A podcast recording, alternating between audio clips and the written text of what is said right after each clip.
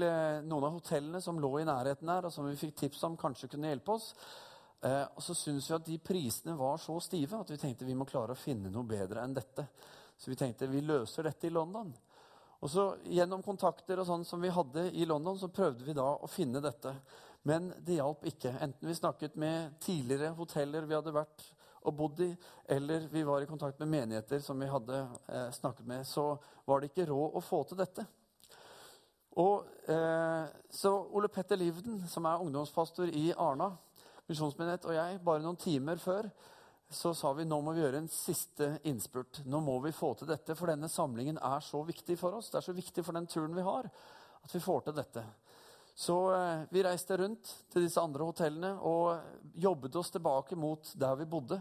Så kom vi inn i gata hvor eh, herberget vårt lå. Og så var det noen hoteller, og så var det liksom ett vi så. ok, la oss gå inn her. Og vi gikk inn og presenterte saken vår som vi hadde gjort mange andre steder, og sa du, vi er en gruppe på 55. Og så trenger vi et rom som vi kan ha en samling på et par timer. Eh, og så trenger vi det ganske om, om, bare et par timer, faktisk. Er det mulighet for det? Og så kom da hun som var bestyrer, og kom ut, og vi forklarte dette. Og hun sa du skjønner, jeg har ikke noen konferanserom, sa hun. Jeg har bare restauranten. Eh, og den står dekket, og gjestene altså, som er her, de forventer jo at den er åpen. Så dette er veldig vanskelig for oss å få til. Så eh, dessverre. Men så begynner bare Ole Petter å fortelle videre om denne samlingen. Du skjønner, Vi er flere menigheter fra Norge som er her. og Vi har med oss mange konfirmanter. og denne samlingen her er viktig for oss. Og så la han det ut. Og så var det som om det skjedde noe, bare. Så sa hun, 'Ja, kom, skal jeg vise deg restauranten', sa hun. Og så gikk vi inn, og så så vi restauranten, og så spurte hun, 'Ja, hva kan vi gjøre?' Så sa vi vel, 'Vi trenger egentlig en stor, åpen plass. Er det mulig å flytte disse bordene?' Og der sto de jo dekket klare, ikke sant, med alt sammen på. Eh, så sa jeg, ja, vi, ja, det kan vi bære inn i det siderommet der. Og, ja, for vi trenger stoler og alt dette. Og så var hun kjempevelvillig, og så begynte vi å snakke pris, for det skulle jo koste noe. Og så eh, ga hun oss en pris, og så begynte Ole Petter liksom på norsk. da, liksom, og sånn, ja, kanskje vi skulle Det var litt mye, skal vi prøve å få det litt ned? Så sa jeg nå har vi endelig funnet noe, skal du begynne å prute nå, liksom? Så, så, spurte vi liksom pent, da. Spurte jeg henne pent om det var mulig å gå litt ned i pris. Og så, ja, så slo hun av 25% ganske enkelt. Og da var vi ned i halv pris av det vi egentlig ville fått om vi hadde bestilt på forhånd. Så vi var jo kjempeglade. Når vi kom ut etter liksom å ha signert og betalt og skulle hente de andre, så står vi på trappa, og så sier Ole Petter Der sto eselfolen. Der var den klar til å bli løsnet til vårt bruk. Og Så ble det et sånt veldig slående bilde. Og så var det, når vi da var ferdig med kvelden, og jeg gikk gjennom lokalene igjen sammen med hun dama på hotellet, og, så, og takket veldig for at vi hadde vært så velvillige, så sa hun, 'Vet du hva?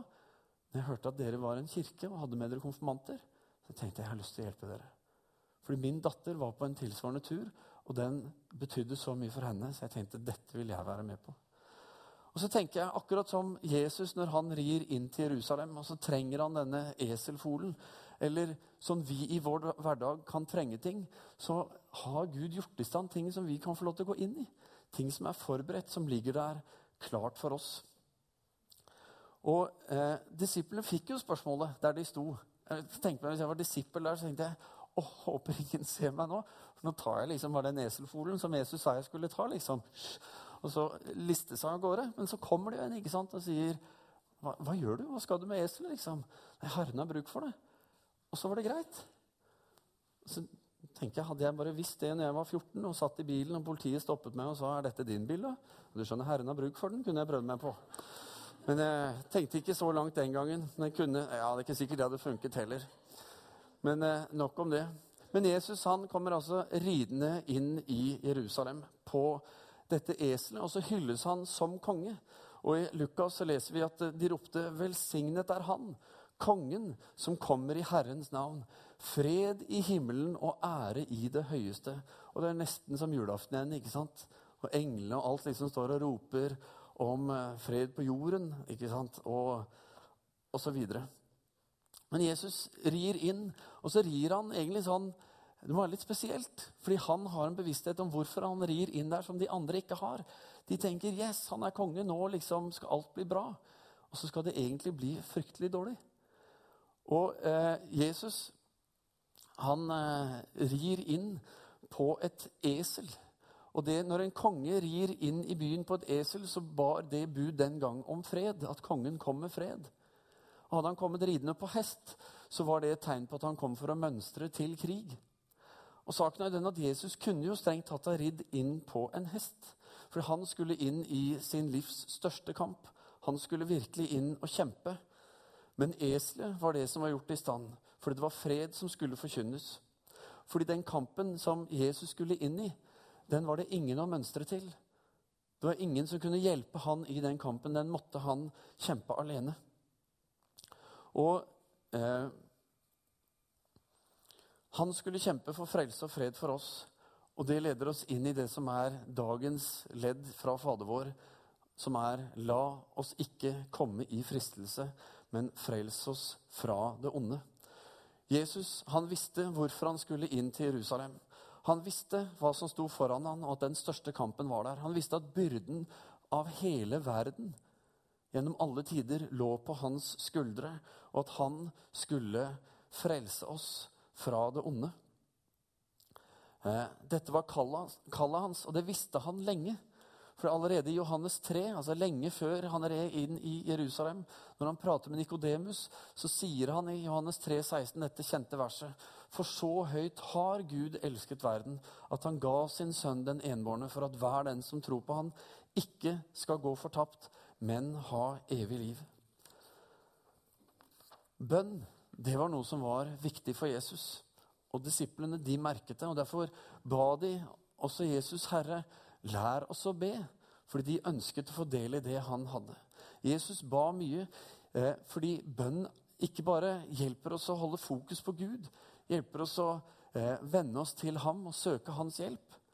Men bønn er også et sted hvor kamper kjempes. Og til og med livsviktige kamper skjer i bønn. Og så er det sånn at når bønnen uteblir, så står vi i fare for å tape veldig mange av de kampene. Jeg tror vi som kirke og som kristne i dag, i 2015, vi, stå, vi taper mange kamper fordi vi ikke ber nok. Fordi vi ikke ser viktigheten av eh, hva bønn er som redskap for oss. Og Det mest illustrerende eksempelet på hvor viktig bønnen er, det tror jeg vi har fra eh, Gamlestamentet, i 2. Mosebok kapittel 17, hvor vi ser at amalekittene de angriper israelsfolket som er ute og går i ørkenen. Og eh, det som skjer, det er at eh, Josfa han leder israelsfolket, som alle de krigerne, ut på sletta, hvor de skal liksom, forsvare seg mot amalekittene som kommer. Mens Moses sammen med Aron og Hur de går opp på høyden eh, over denne sletten. Og så står de der, og så har Moses fått instruks om at han skal stå med, hendene sånn. Eh, omtrent som i bønn over denne kamparenaen som skjer der nede i sletten. Og så merker de det at så lenge Moses står sånn, så går det bra. Da vinner, har israelittene overtaket. Men du blir sliten etter en stund av å stå sånn hvis du har stått sånn lenge. Så blir hendene veldig tunge.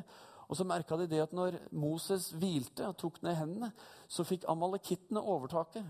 Og det så de. Så Aron og Hur de fant et sted hvor Moses kunne sitte. Og så ble de stående på hver sin side ved siden av Moses og hjelpe han å holde hendene oppe. Og så sto de sånn helt til den kampen var vunnet. Og det var det som var det avgjørende for at den kampen skulle vinnes. Så ikke rart, da, når Jesus kom inn i Jerusalem på denne palmesøndag og går inn til tempelet og finner at tempelet det er jo blitt en handelsplass.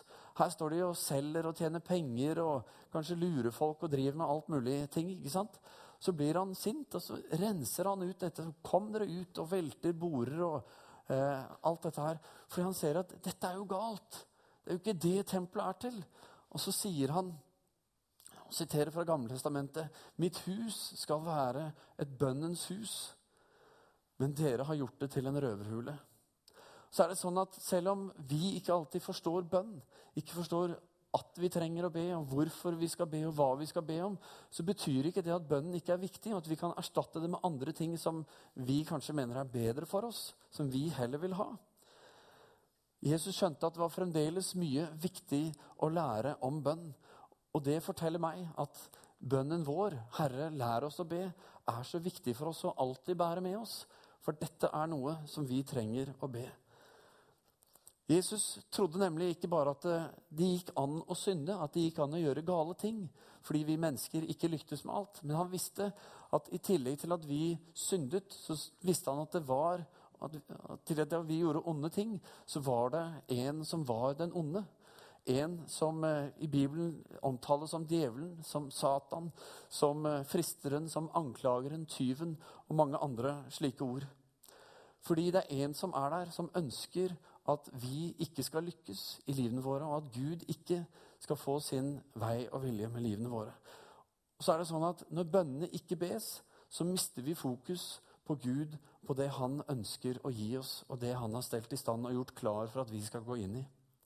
Derfor blir bønnen 'La oss ikke komme i fristelse, men frels oss fra det onde'.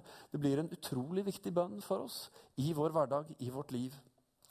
I Lukas 21, eh, ennå litt etter at han har kommet inn i Jerusalem, så eh, begynner Jesus å tale om de tider som skal komme.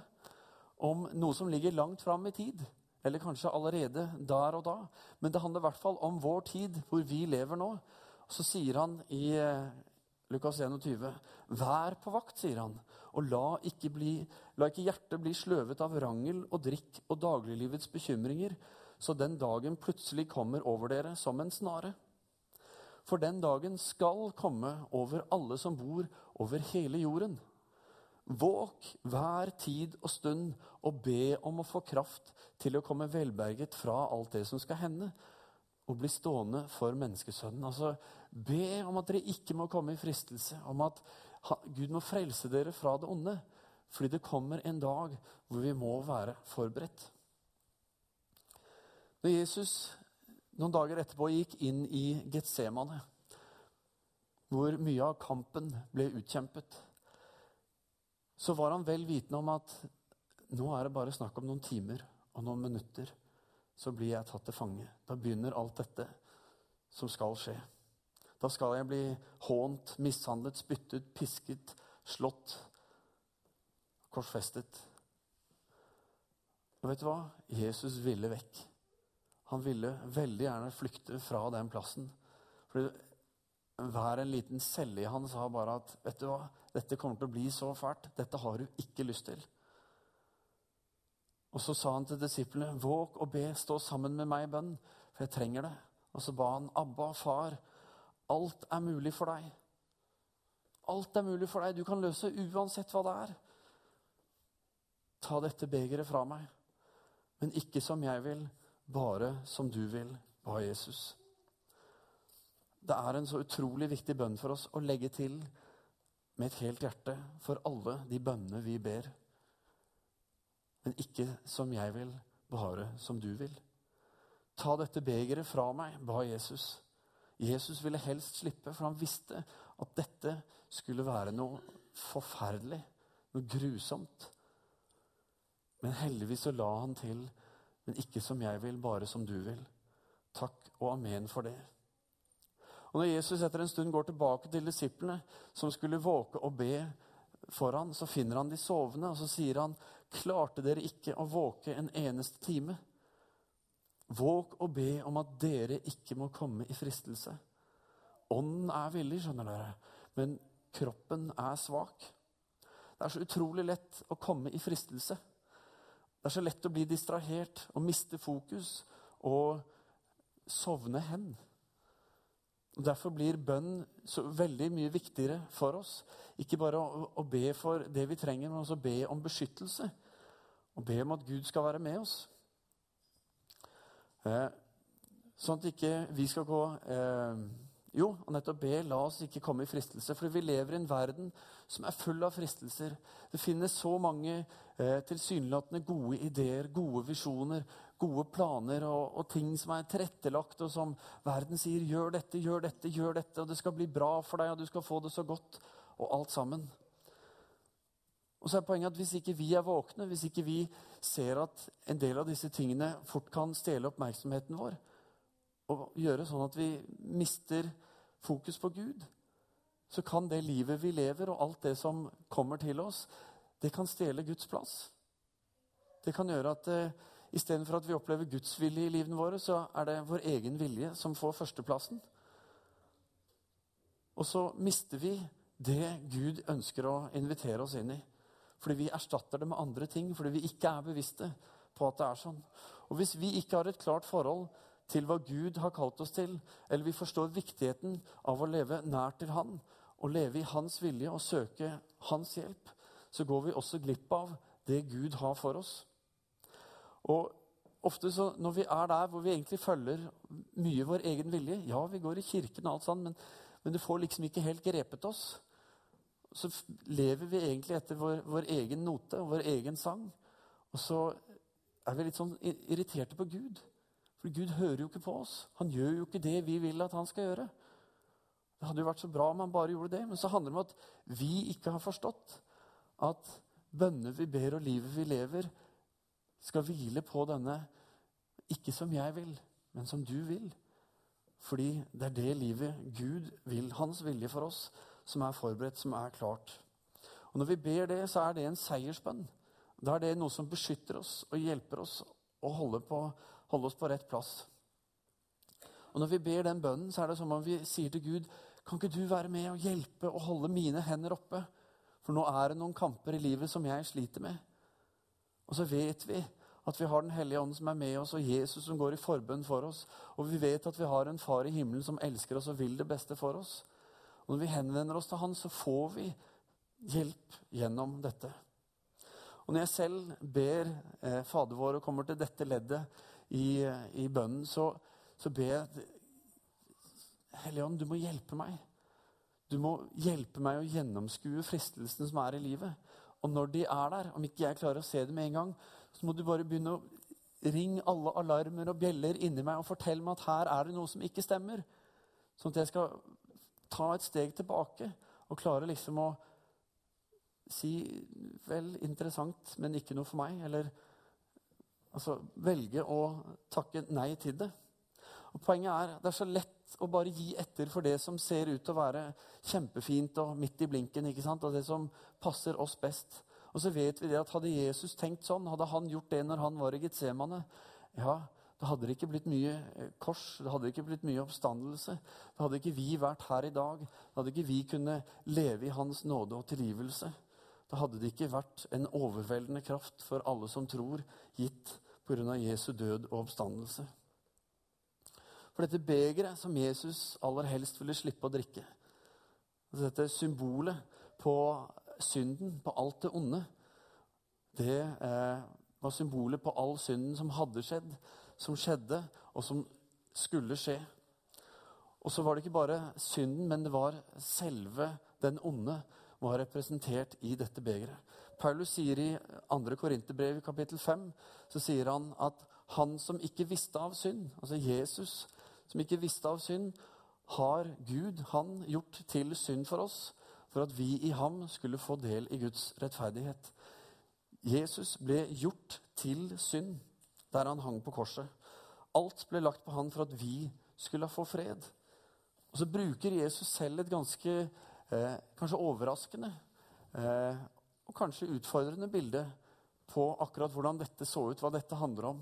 Når han selv i Johannes 3, i vers 14 og 15, som, vi, som ligger rett forut for Johannes 3, 16, så sier han Og slik Moses løftet slangen opp i ørkenen, slik må menneskesønnen bli løftet opp for at hver den som tror på Han, skal ha evig liv.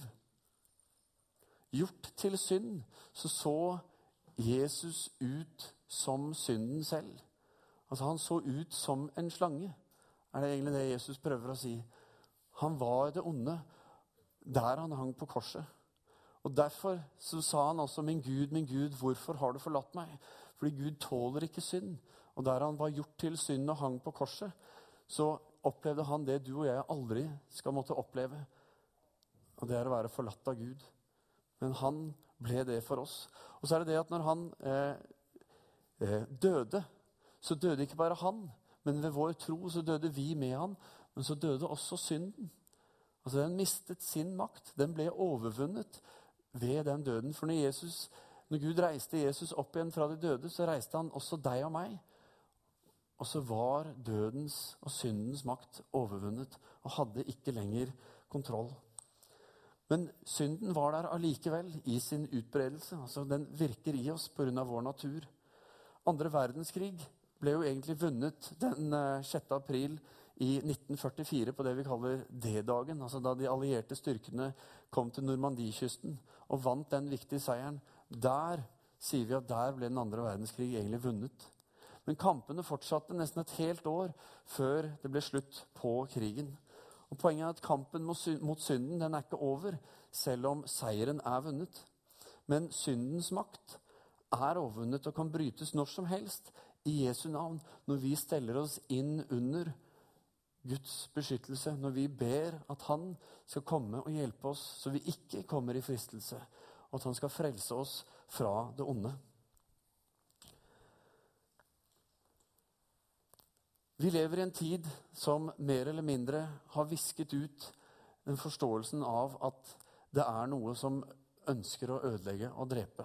Noe som infiltrerer alt i verden der ute, og som Samme hva det er, bare det kan få vår oppmerksomhet bort fra Gud, så er det et mål i seg selv. Jesus sier i Johannes 10, så sier han tyven, altså den onde, han kommer bare for å stjele, drepe og ødelegge. Jeg er kommet for at dere skal ha liv og overflod.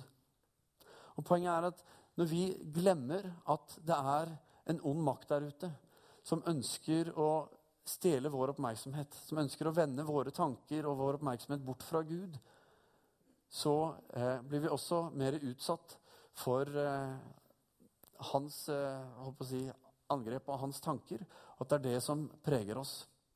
Og jo mer vi måte ikke ber om beskyttelse, ikke er bevisste på at vi trenger Guds hjelp i hverdagen, eh, jo mer vil vi også gå glipp av det liv og den overflod som Jesus kom for å gi. Og så mister vi også evnen til å forstå og se og skjelne når det er noe som ikke er bra for oss, som er i ferd med å utfordre oss og vil friste oss. Og så blir vi opptatt av hvordan vi synes ting burde være i stedet for å være opptatt av hva Gud har for oss. Og så gjør vi, i hvert fall som jeg har gjort mange ganger, tenkt Gud, så dum du er, liksom. Her hadde du mulighet. Hører du ikke? Bryr du deg ikke? Hvorfor går det nå sånn det går? I andre krønikebok, kapittel 6, så ber kong Salomo på vegne av sitt folk. Fordi han ser at ok, vi har forlatt Gud, borte fra han. Så ber han om tilgivelse, en lang bønn i kapittel 6. Og i kapittel 7 så svarer Gud ved å si Hvis da dette folk som mitt navn er nevnt over, ydmyker seg og ber, søker meg og vender seg bort fra sine onde veier, skal jeg høre dem fra himmelen, tilgi dem syndene og lege landet. Og så vet jeg ikke hva du har gjort, men jeg vet at med mitt liv så trenger jeg trivelse. Jeg trenger å stelle meg inn under beskyttelse. Fordi om jeg skal stå i min egen kraft, så har jeg så lett for å skli ut og falle bort. Og så trenger jeg at dette bønnesvaret er over mitt liv. At når jeg søker Han, så får jeg. Når jeg ber til Han, så får jeg. Når jeg leter, så finner jeg. Når jeg banker på, så blir det lukket opp. Som er løftene fra Gud. Sånn at ikke vi gir etter, sånn at ikke vi blir offer for fristelsene og ødeleggelsene. Og helt til slutt, Paulus sier i Efeserne 6 sier han at i bønn så skal vi ta på oss Guds fulle rustning. Som en beskyttelse. For Gud ønsker å kle oss i alt det som er hans. Derfor sier Paulus ta sannhetens belte om livet. Fordi vi trenger hans sannhet. Han er sannheten. Ta rettferdighetens brynje og kle dere i den. For jeg ønsker at min rettferdighet skal være det som preger livene deres ta, stå klar med eh, fredens evangelium som sko på føttene. Dere skal få vandre i fred, vandre i det budskapet evangelium som jeg har for dere. Og så sier han, hold troens skjold høyt. Tro, velg å tro. Fordi med det skjoldet så kan dere stå imot ikke bare noen av den ondes brennende piler, men alle den ondes brennende piler, står det. Så velg å tro. Hold den høyt oppe. Og så sier han, ta imot frelsens hjelm som skal få beskytte sinnet og tankene og hjelpe oss å fokusere på frelsen mer enn på alt det som er der ute. Og ta imot Åndens sverd, som er Guds ord, Når Jesus ble frista i ørkenen, så var det ved Guds ord at han beskyttet seg. Selv om djevelen prøvde å bruke Guds ord mot ham, så hadde han dette sverdet som hjalp han, og som, vant, som gjorde at han vant den kampen. Og Paulus sier 'kle dere i denne rustningen', for han sier 'vår kamp', sier han. Det er ikke en kamp mot kjøtt og blod, men det er en kamp mot makter og åndskrefter, mot verdens herskere i dette mørket, mot ondskapens ånde her i himmelrommet. Og det kan høres litt science fiction ut, med åndskrefter og alt dette. Men det er Bibelens realitet. Det er det som er sannheten for oss som tror. Det er at det finnes en åndelig dimensjon, og der utkjempes det kamper. Og der trenger vi hjelp til å kunne stå med hendene høyt hevet for å vinne kampene. Vi trenger at Gud er med oss og hjelper oss. For Hvis ikke så kommer dette til å påvirke oss og gjøre at vi sliter i hverdagen vår. Og så var det denne kampen mot disse kreftene Jesus red inn i Jerusalem for å kjempe. Kampen mot det onde, og det var den kampen han vant. Og Om vi tror at det er sant, i den forstand at vi aktivt ber, ikke bare dette leddet i bønnen, men ber til Gud og søker Han med hele oss, at vi kler oss i Hans beskyttelse, i Hans sannhet, i Hans rettferdighet, i Hans liv, ja, da blir vi stående seirende. Ikke bare på den siste dagen, men i dag, i vår hverdag. Da får vi del i det Han har for oss. Og så får vi erfare mer av det liv og den overflod som Gud kom for å gi oss, og som Han har gitt oss i Jesus. Jesus red inn for å frelse oss og for å gi oss alt det vi trenger. og Derfor sa Jesus i bergprekten, like etter at han hadde lært disiplene Fader vår, så sa han, søk først Guds rike og hans rettferdighet, så skal dere få alt det andre i tillegg. Søk først Guds rike og hans rettferdighet, så er ting gjort klart. Da står eselfolen der, og du skal få vandre i det som jeg har for deg. Ikke søk alt det andre, og så se om det er plass til Guds rettferdighet og Hans rike. Men først dette som det viktigste for oss, skal vi be. Kjære himmelske Far, jeg takker deg, Herre, for at uh, du alltid har ryggen vår. Du står alltid klar hos oss. Du ønsker alltid å være på vår side, Herre. Både i gode dager og i onde dager. Både i seier, Herre, og i kampens hete, Herre. Så ønsker du å stå ved vår side, og du ønsker å hjelpe oss, Herre, til å alltid vinne. Til å alltid kunne avsløre angrep, Herre. Så vi ber, Herre, la oss ikke komme i fristelse, Herre, men frels oss fra det onde. Og, og lær oss å være bevisste og aktive for dette, Herre. Og tilgi oss, Herre, for at ikke vi ber, at vi ikke vi, eh, har klart helt å forstå fullt ut hva dette handler om. At vi er som Peter, at vi tror vi har skjønt noe, og så handler vi på det, og så har vi bare sett deler av det, Herre. Men Herre, hjelp oss å be igjen og igjen. Herre, lær oss å be.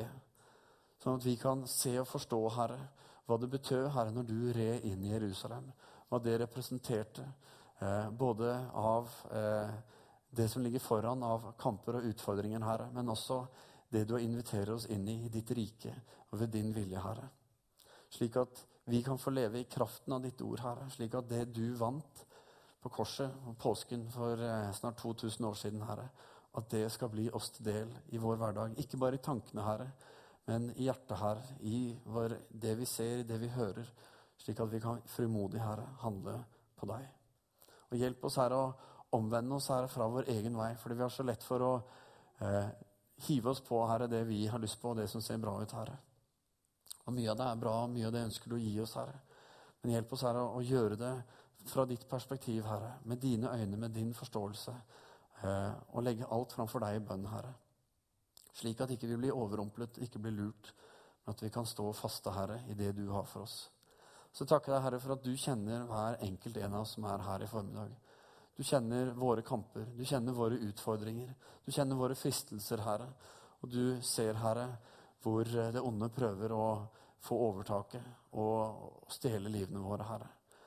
Jeg ber, Herre, gi oss bevissthet og vilje, Herre, til å be denne bønnen, Herre.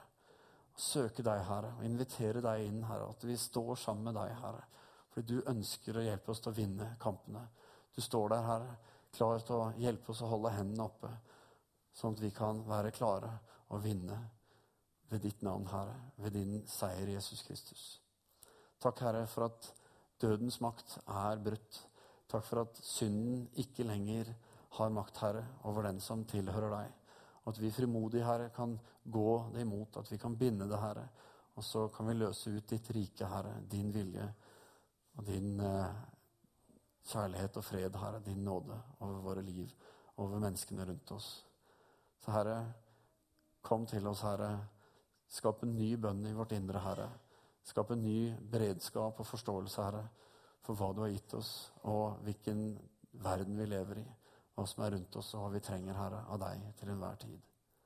Velsigne oss, Herre, og utruste oss, Herre, og sette oss i stand så vi kan vokse og se mer og forstå mer, Herre, så sterkere, Herre, i det liv som du har skapt oss til. Vi ber i Jesu navn. Amen.